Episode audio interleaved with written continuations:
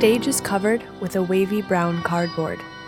Three dancers are moving on, under, and with it. They're dressed casually. Tammy Leibovitz is sprawled across Ophir Yudilevich, who is shaking her off him, attempting to get up with her weight still on him. Slightly more aggressive with each attempt, he makes some progress, but fails again and again. Nearby, Asaf Aronson crawls under the cardboard. He's unseen until his head pops up for a moment, but soon disappears again, while continuing to crawl underneath the surface of the cardboard, which shifts and moves, creating bizarre, ever changing shapes. This is going on until Asaf suddenly leaps out, and in one well balanced circular move, he lands on Ophir, leaving additional rips in the cardboard. What was initially quiet, flat, and safe gradually rips open, wrinkles, and distorts, creating holes and barriers, turning into a shaky, unsettling surface.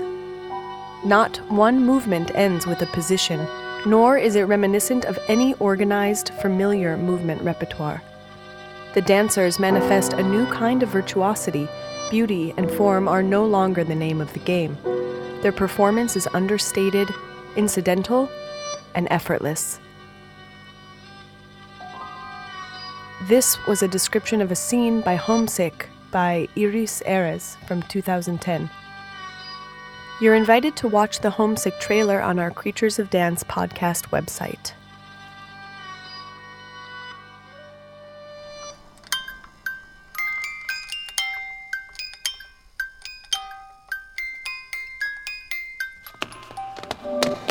You're listening to Creatures of Dance, a podcast on contemporary dance in Israel. Creatures of Dance with Iris Lana and Yali Nativ. And today, our first in a series of conversation with choreographers, Iris Erez, an independent choreographer, dancer, movement and body teacher, and Dr. Edith Suslik, dance scholar and lecturer, will share her insights with us at the end of the episode. Additional choreographers participating in the series include Tamir Gintz, Uri Shafir, Yossi Berg and Oded Graf, Anat Danieli, Emanuel Gat, Noa Wertheim and Rina Wertheim Koren, Mai Zarchi, Yoram Karmi, Rotem Tashach, Amir Kolben, Noa Dar, Anat Shamgar, Ohad Naharin.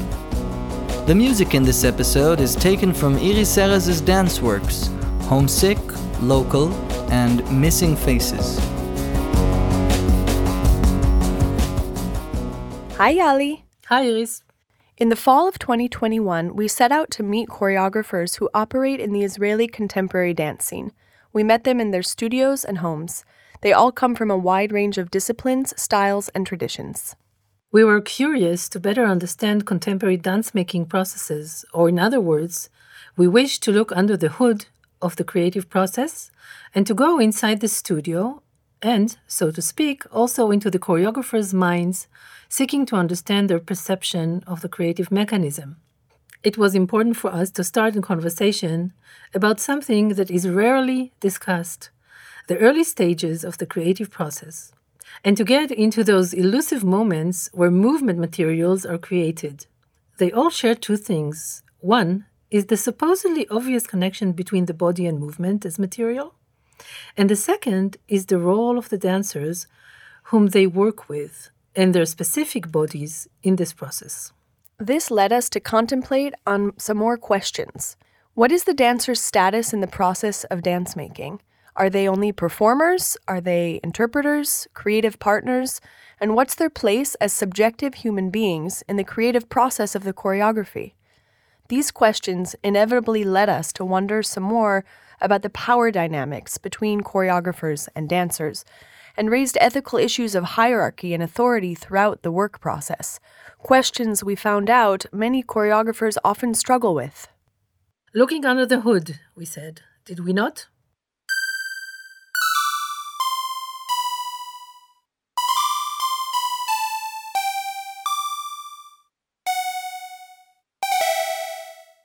We're at Iris Erez's home. Iris, thank you for hosting us. My pleasure. What does movement material mean to you? Movement material basically means also asking um, what is body. what is this material that we, body people, deal with? Um, I believe it actually shifts between the most concrete aspect of the body itself and the most abstract, which is basically what we're dealing with. The art of dance touches on both these fields in the most direct and significant way. I mean, the body carries the thing itself as well as what's beyond it. So you can approach movement material from all sorts of angles. When you told me you are going to mention movement material, I tried to figure out what movement material means to me. And I suppose I have this fantasy that whenever I arrive at a new project, I, I encounter a fresh movement material, meaning that the movement material I choose will be uh, either a renewed, new, or related to my subject matter. But then it also occurred to me okay, I myself, I'm not reborn each time. I don't always create different material. And if I look at an other choreographers, so they develop this kind of um, auteur signature through the years. When I see a work and go, oh, uh, this is by so and so, or oh, that's this person's piece. But still, the encounter with this thing uh, called body, every time through a different dimensional or lens, brings about new material. I'm naturally uh, drawn to a certain kind of tone of embodiment. There is a certain kind of manner by which the body communicates that I found more intriguing, fascinating, that touches me more deeply. So, what would you say is your movement signature? Can you characterize the tone that you're describing here? I think it's an interest that stems from something that is larger, it's not only an exterior thing, but you can actually get a sense of the person through it. Person meaning you, or person meaning the dancers, or some kind of a universal person? Mm, I think the dancers. Uh, well, if I'm the dancer, then the person is me. If it's the dancers, then it's about them. When I feel this personal embodied tone, I can derive something particular. Can you clarify what you mean by a personal tone? Well, I think that it's when I see the persona behind it, it can be very idiosyncratic, but it's a person's specific type of movement that's emblematic of them. It's not necessarily acquired. It demands a certain ability to be exposed through the body. So I'm basically saying two things here. One, it's really about a person's individuality, a sort of fingerprint or body print, if you will. Body signature. Hodel said, Hodel Ophir, right? Yeah, yeah, absolutely. Something that signifies specifically her or him. And then there's the body, which allows a connection with who you are. You don't hide behind your physicality, but it's someone's personal embodiment that generates a sort of an exposed message.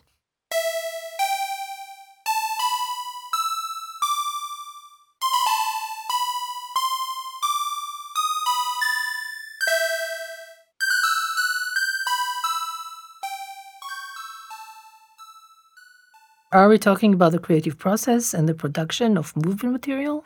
I think it's mostly material production and also performance, because the ability to perform materials over and over again, each time from a fresh place where you're at, at the moment, that's part of what intrigues me about bringing body materials onto the stage. So, we're talking about a tension between a closed choreography and the changing body that performs it. Yeah, but let's go back for a minute. How does it all start? How does such a process begin for you? Well, it's different every time. Over the years, there's been a shift. I think that when I worked with my own body, a lot of the process was intuitive. From things that were on my mind, even broad subject, but it was always from a deeply emotional, sensory, visceral place. My own sense of my own body. And as soon as I let other people into the process, I think I was more drawn to choosing a broad subject than dividing it into subcategories, taking it apart into thoughts on the subjects, then translating that thought on the subject into embodied experience, and finally finding the specific embodiment that speaks my subject matter. Can you give an example? Okay, well, I have some old ones. Um, let's take, for example, Homesick, which I did in 2010, originally created with uh, Ofir Yudlevich, Tami Leibovich, and Asaf Aronson, um, where we took the subject of home and feeling at home and deconstructed it into all sorts of subcategories. What does it mean to feel at home in our own body? What does it mean to feel at home in someone else's body? What does it mean to suddenly study the movement of someone who isn't me? What does it mean to feel foreign? What does it mean to feel at home? How do we describe our homes? How do we sit around at our home? What do we do at home? First, we dealt with these questions quite literally, then on a movement level, one person describing to another, one person describing his home to someone else, another person entering another person's body, one dresses with another person's body or movement style. That's one thing. Let me give you an example from what we did in my last project, Missing Faces, um, with Michal Arad and Ruth Valenci. Um, what we did there was to take an image from a previous work, Self Ritual, and explore the concept of men without a head. It was during COVID. We met in the studio during quarantine, and we basically put the face covered man on us with a shirt. Well, I really wanted to examine that man who I once did a solo with. I wanted to find out what happens in the encounter with a man without a head. And suddenly. But man meaning a human being? Yeah, a person without a head. Um, a character uh, with the head covered, actually. Um, and suddenly, the head cover functioned as a total mask. We were totally covered that way, and that was the beginning of our process, all covered up. And it paved the way for the rest of the process, because even though we knew each other before, we've never danced together in the studio. And the encounter was intimate, but still covered. That's how the whole thing started, and how our physicality was established from the beginning. And that's improvisation. Yes, I allow uh, a great deal of time for improvisation. Improvisation with clear boundaries and rules, or with highly distinct parameters. And then we go back and go over stuff and figure out what we want to keep. How do you go over the materials? Um, if I'm outside the process, then I observe. Uh, if I'm inside, we shoot the whole thing, but it's a double edged sword, really. Why is that? Because sometimes when you don't shoot, there's a livelier memory of the thing than when you let the camera capture it. But I do use it more often than not. I actually wanted to add something about Homesick.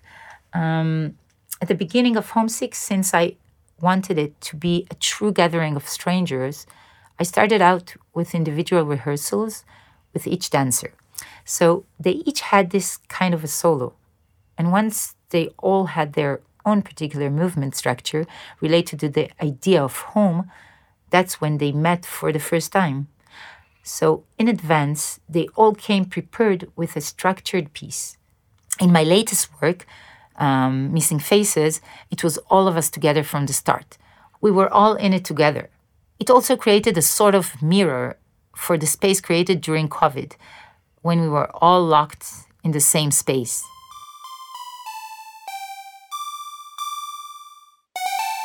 I feel that over the years there's been progress in terms of improvisational space that I allow on stage. If I've always been intrigued by improvisation during the creative process and on stage, I've always been fascinated by putting structured material on stage that may not be truly improvised, but will be experienced as if it's something that is happening right here and right now. That this particular moment is felt as if it is improvised. I think I once described it to myself as movement with fringes. hmm. Well, like, you know, the old fashioned jeans. Something that is loose, that gives room to grime. And this grime makes you say, this isn't polished. The last time I was on tour, this was a long time ago, you know, I found myself wandering around Milan and in Milan, you wander around, you know, and uh, suddenly you find yourself with looking at Michelangelo's Pietà, and not just any Pietà, but his very last one. Wow, that was a big wow. And to see his Pietas over the years and then to see the final one he ever made, you can see the carvings in the stone. Well, it's it's not fringes because you can't really say fringes about Michelangelo, but it's that rawness. And to experience the raw material, it's like he realized that it's not about polishing the marble.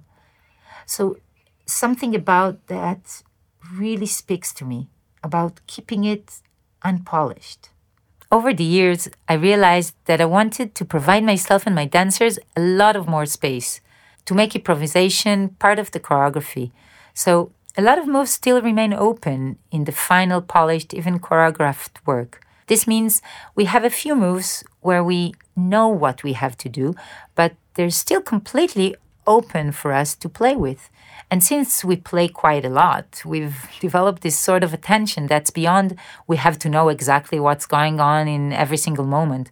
But it just happens within thing itself.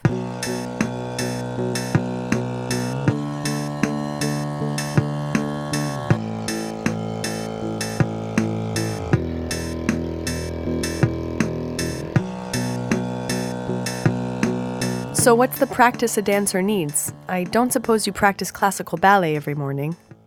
Yeah. Well, no. well, first of all, I can say that my warm up routine has really changed over the years. So it also has to do with the changes of my body when going through what my body goes through, you know. Um, I feel it's also related to the project itself. I realized it over the years. Uh, when I did my solo project local, uh, I realized I had to do a yoga class before going on stage, which is something I've never done before. But I felt that this was what this piece required of me. And for many years, I do a release warm up before shows and I practice improvisation, something more emotional to steer things around, get a feel of the piece. But nowadays, I keep asking a lot of questions because my body demands different things as I mature. But I think every piece can ask for its own practice. And in terms of performers, I believe there's tons of ways of going on stage. You need a palette. Exactly. You need to have access to your own body, to the possibilities it affords you or it gives you, you know. I feel it's like opening a space opening the scope of possibilities. It really is like a palette. Like you said, well, take out what you want to take out, uh, what you want to touch, what you want to use. And you don't always know. Even if you do the same show over and over again, sometimes there's a need for something different. And the body has to be very attentive, very alert, and in tune to what it needs right now. I really want to stay with this subject a little longer because I'm sure you have a deep knowledge on what does it mean to be a good dancer or an attentive dancer. So, can you explain what that means? Is it someone who's changing all the time? Yeah, well, I think that first there's no escaping it. There's something about that dancer's diligence. Absolutely. Diligence and modesty. And I do see that in dancers a kind of humbleness towards the practice of the body, the actual doing. When the first thing you do when you get in uh, in the studio is to lie down on the floor, it necessarily demands a certain state of mind of being humble, you know? Because more often than not, the floor is very dirty. well, it just is. Floors are dirty, you know? and you lie down on a dirty floor part of being a dancer is the willingness of getting dirty. The contemporary dancer, you mean? Yeah, right. Uh, yeah, the contemporary dancer. yeah. You know, by the way, this issue of the floor fascinates me more than anything. Well, once you're willing to let go, you know, letting go of control, to get dirty, and be in a position of inferiority. To the lower level of space. Yeah. To be on the lower level and and I believe that it's a position of humbleness towards the world at the outset. I think that the diligence and the self discipline come from the same origin, really. And then there's the curiosity curiosity about this thing called the body. Over and over again, going through the same thing, doing warm up or class or other things. I remember when I was working in theater for a while in the past, um, actors would often arrive at the theater like about 15 to 30 minutes before the show and just go on stage, you know, after like a vocal warm up. And so, but as a dancer, you have to come hours and hours before the performance, do the warm up, get yourself in tune, connect with the people you're going to dance with. This creates focus, concentration, and, and, and a different kind of space that, in my mind, allows the practice of dance to be what it is. Now, I'm not giving you an answer on what's a good dancer or good dancing. There are so many answers to this question. But I do think that, again, something about consenting, um, about knowing you have no hold, but that every time you have to trust your body, even though it keeps changing. And who knows? So there is definitely a risk to it. Maybe I'm saying it now at my age. Maybe I had a few injuries. So it's a sensitive subject. But I truly believe that people who go on stage with their body agree to take risks. Risks that aren't necessarily physical um, or acrobatic? Rather, risks of exposing themselves or vulnerability. They put themselves in a delicate place, but also incredible. Incredible because it allows for a unique communication with the audience and with the world. There's nothing mystical about it, you know? It's something that as soon as you allow something to happen to you on stage, it will indeed happen to you. Well, not every time, not always. There are a few more essential elements for this magic to happen, but as soon as it does, there is this synchronicity with the world. So it does happen. And I do think there is a certain level of curiosity, modesty, and love of the craft. I think it happens when I'm touched by people, when I sense their specific talk, when they truly express themselves. They don't do it just because they're good at it, but because this is their way of saying something about the world, about themselves, and this is their channel. I think that's um, part of it. Maybe you can't teach it. Uh, I don't know, even though I believe you can teach something about opening that channel. I teach dancers, but also non dancers, and you suddenly see how people start using this mode of expression and able to convey things through it. It's like these pores, delicate spaces suddenly open up. I have tears in my eyes.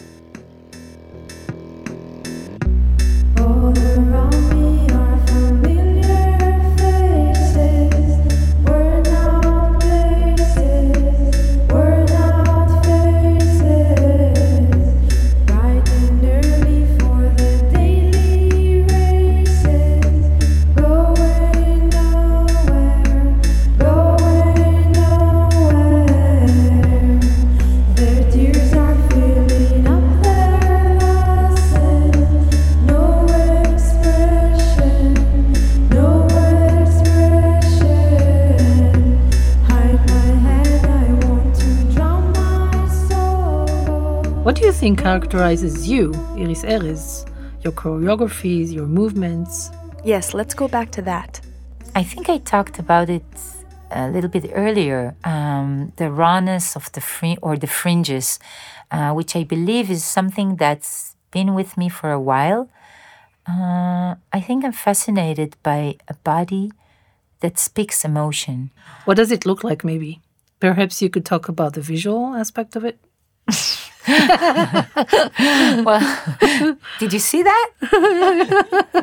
I think that I once saw an interview with William Forsythe uh, where he talked about what exists at the edge of movement uh, and what remains from the movement. I think there is something about the leftovers. I don't know if I'm making myself clear.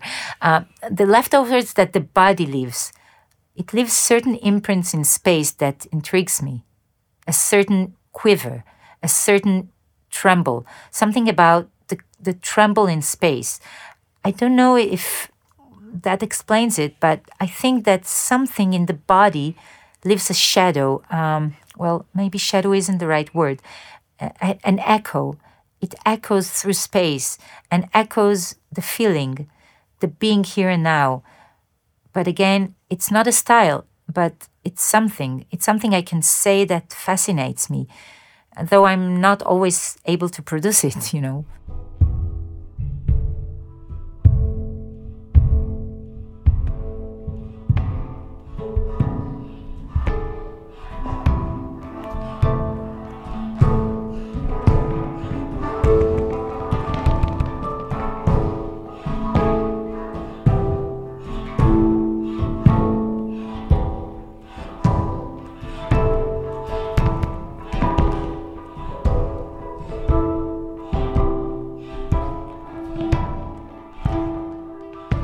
Do you have auditions when you start a new production? Well, I did, I think, only once or twice um, around the work, uh, the piece Homesick, uh, when I wanted to find a substitute for dancers in the work.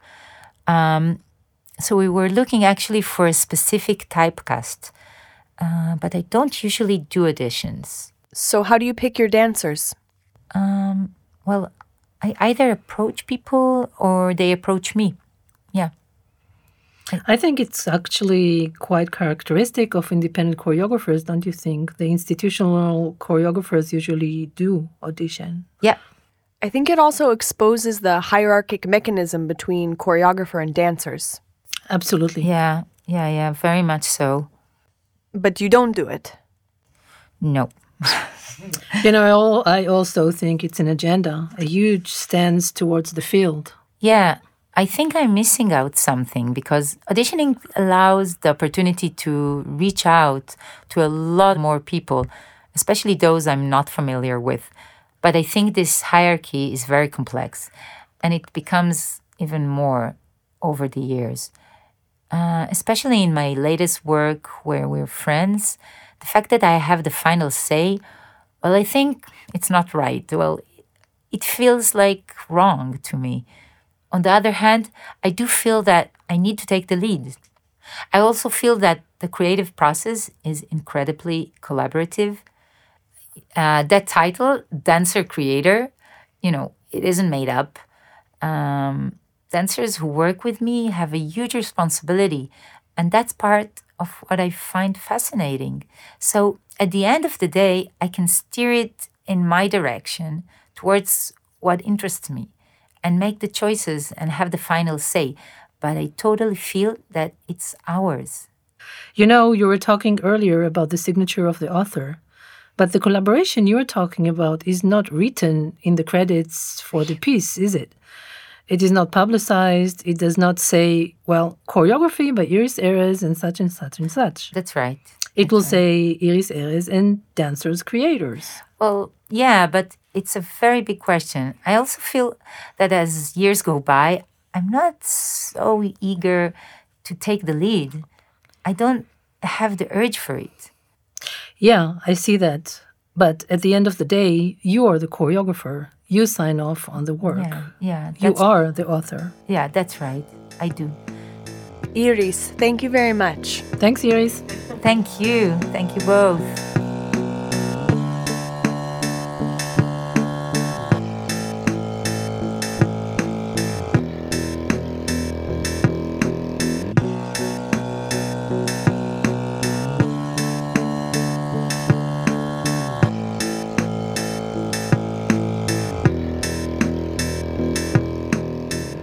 Invited Dr. Edith Suslik to reflect on some of the ideas and themes that came up in the interview. Edith is a lecturer at the Kibbutzim College and School of Visual Theater. Her research focuses on the aesthetics of body and dance and performance analysis in dance and theater through contemporary artistic and cultural contexts. She writes in her independent online platform, The Contemporary Eye. Hi, Edith. Hi, Iris. Hi, Ali. Hi there. What are your thoughts on our conversation about the uniqueness of Iris Erez's dance craft? My first impression was directness. Iris talks about dance without filters, barriers, or mediation. The dance act is so alive and close to her, present within her, that it's clearly a part of her physical being. The way Iris thinks about dance and talks about it activates the dance itself, sustains it in tangible sensations and high frequencies, and even if she's not performing the dance at the same time. And that moves me. I'd like to articulate my thoughts and insights about this form of directness. I'll address three aspects that caught my attention during your conversation and that are related to the practice and discourse of contemporary dance. The first is the dance syntax as a collection of gaps and leftovers. The second, the untying of movement that creates a space for possibilities. And the third is the articulation of contemporary danceness as an acceptance of attentiveness to and contact with the body. Can you elaborate? In her attempt to explain what movement material is, Iris says, I think it really moves between the most concrete thing of the body itself and the most abstract. I noticed in these words her unique sensitivity to the in between, the liminal. It reminds me of how contemporary choreographer Jonathan Burrows suggests in his book, A Choreographer's Handbook, to think of the term material as a gap. He writes, in dance, we often use the word material to describe individual movements or short sequences found by a process of improvisation, which are then placed each in relation to each other to create a choreography. Another way of looking at it might be this that material is what happens in the gap between two movements. Taking it back to Iris Erez, the gap is present in every aspect of her work the creative process, the finished piece, or her reflections on dance. She refers to that which is in between the concreteness and the abstractness of the body, her and her dancer creators, movement as raw material, and the moment of live performance. What do you think is the role of that gap that you're referring to in her creative process? I think Iris is making a conscious choice to position herself within that gap. She uses phrases like moving with fringes, keeping it raw, something trembles in the space, echoes in the space. These are precisely those leftovers that Iris borrows from William Forsythe, the leftovers of the structured dance movements.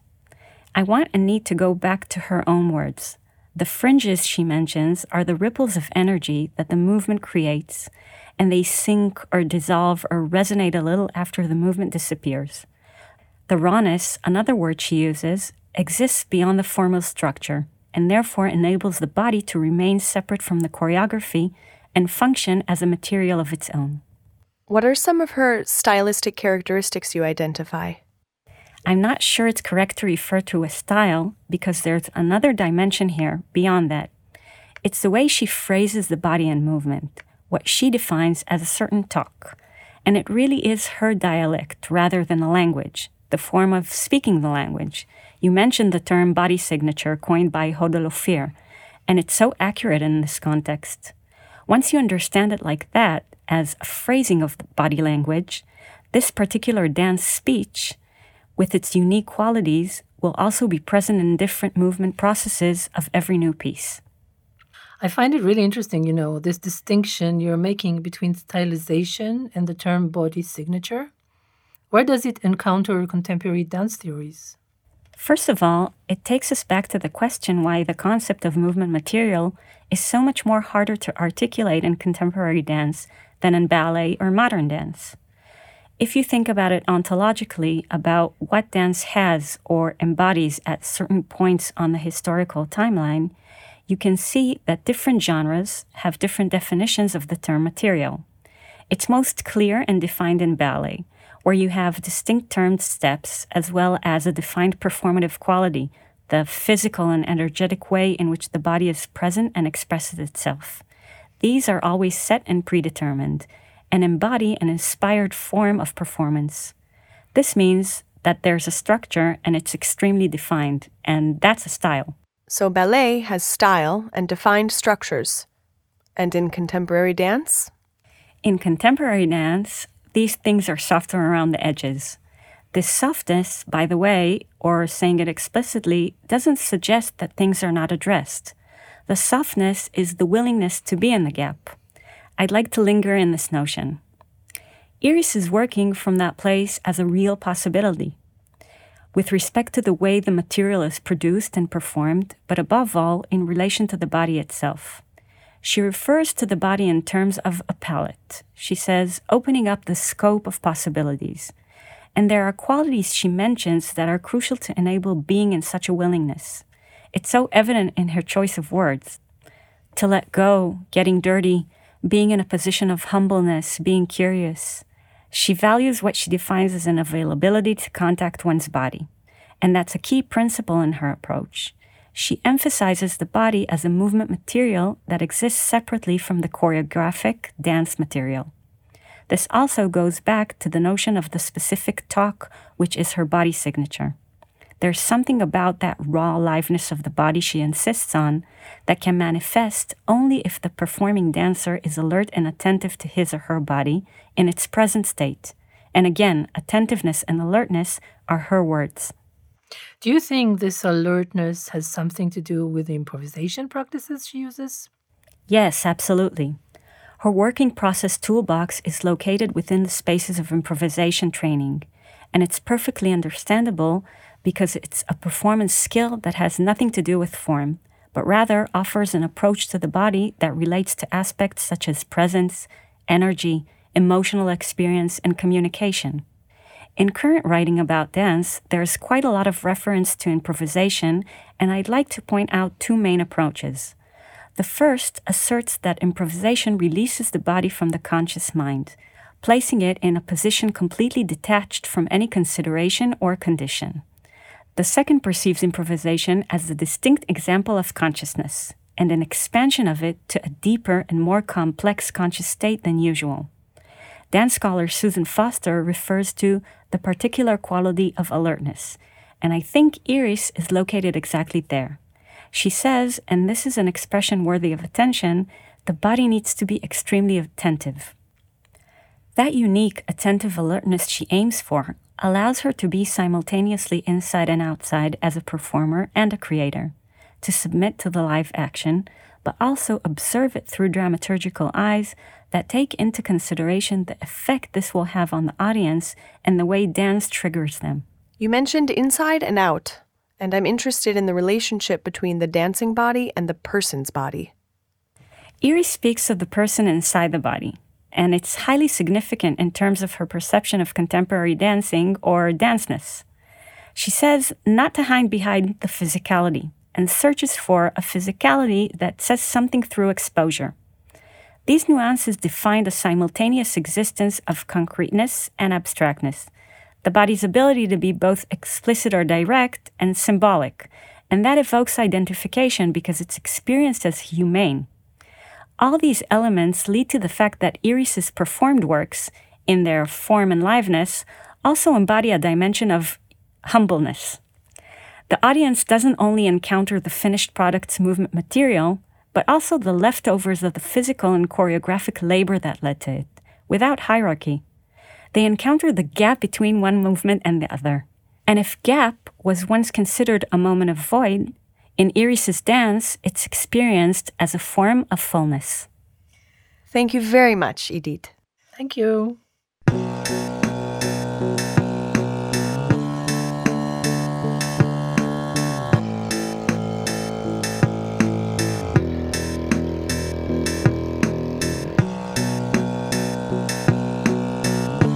Thanks to Iris Erez and Dr. Edith Suslik to Matan Ashkenazi from Ozen Musikalit Studio for the editing, Zohar Zalz from Eshel Studios, Amos Zimmerman for the narration, Ido Feder from Tights, and Ido Kainan and Omer Senesh from Podcastico.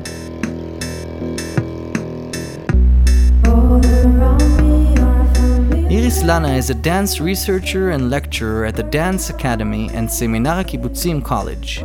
She headed the Batsheva Archive Foundation project and the field of dance in the National Library's Digital Preservation Project.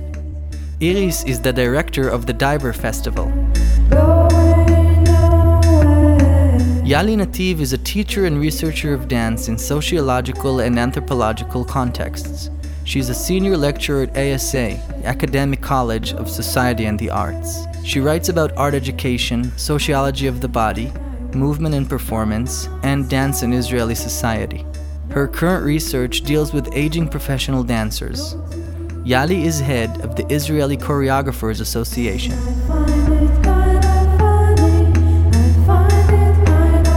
We invite you to visit the Creatures of Dance website, where you'll find photographs, clips, and links to the pieces that we discussed in this episode, as well as previous episodes of the podcast that you can listen to. This podcast is part of the Tights Dance and Thought discourse platform. The production of the podcast was made in collaboration with the Ministry of Foreign Affairs Cultural Diplomacy Department. We thank Ido Feder, the Israeli Choreographers Organization, and the Ministry of Culture and Sports. The music in this episode was composed for Iris Erez's dance pieces. Local by Ophir Gal, Homesick by Reckless Feet Ram Gabay, Missing Faces by Guy Shelf, and a cover of Tears for Fears Mad World by Guy Shelf, performed by Ruth Valenci.